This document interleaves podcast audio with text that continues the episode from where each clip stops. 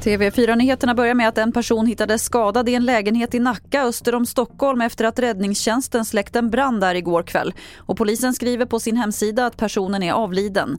Eftersom de inte kan utesluta att brott har begåtts så utreder de det i nuläget som ett misstänkt mord.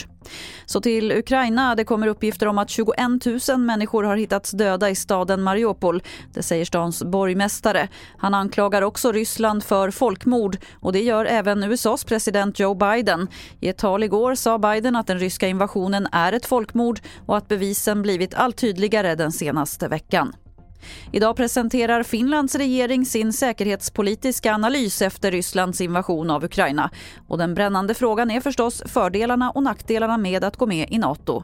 En fråga som förstås också ligger högt i finländarnas medvetande just nu.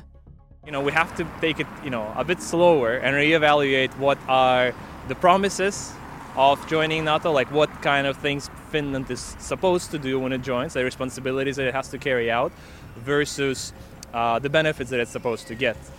I will be in favor for that if they decide that we should do it. But it's a difficult, it's a difficult uh, decision. I mean, it's it's so much something that we never thought we're gonna do.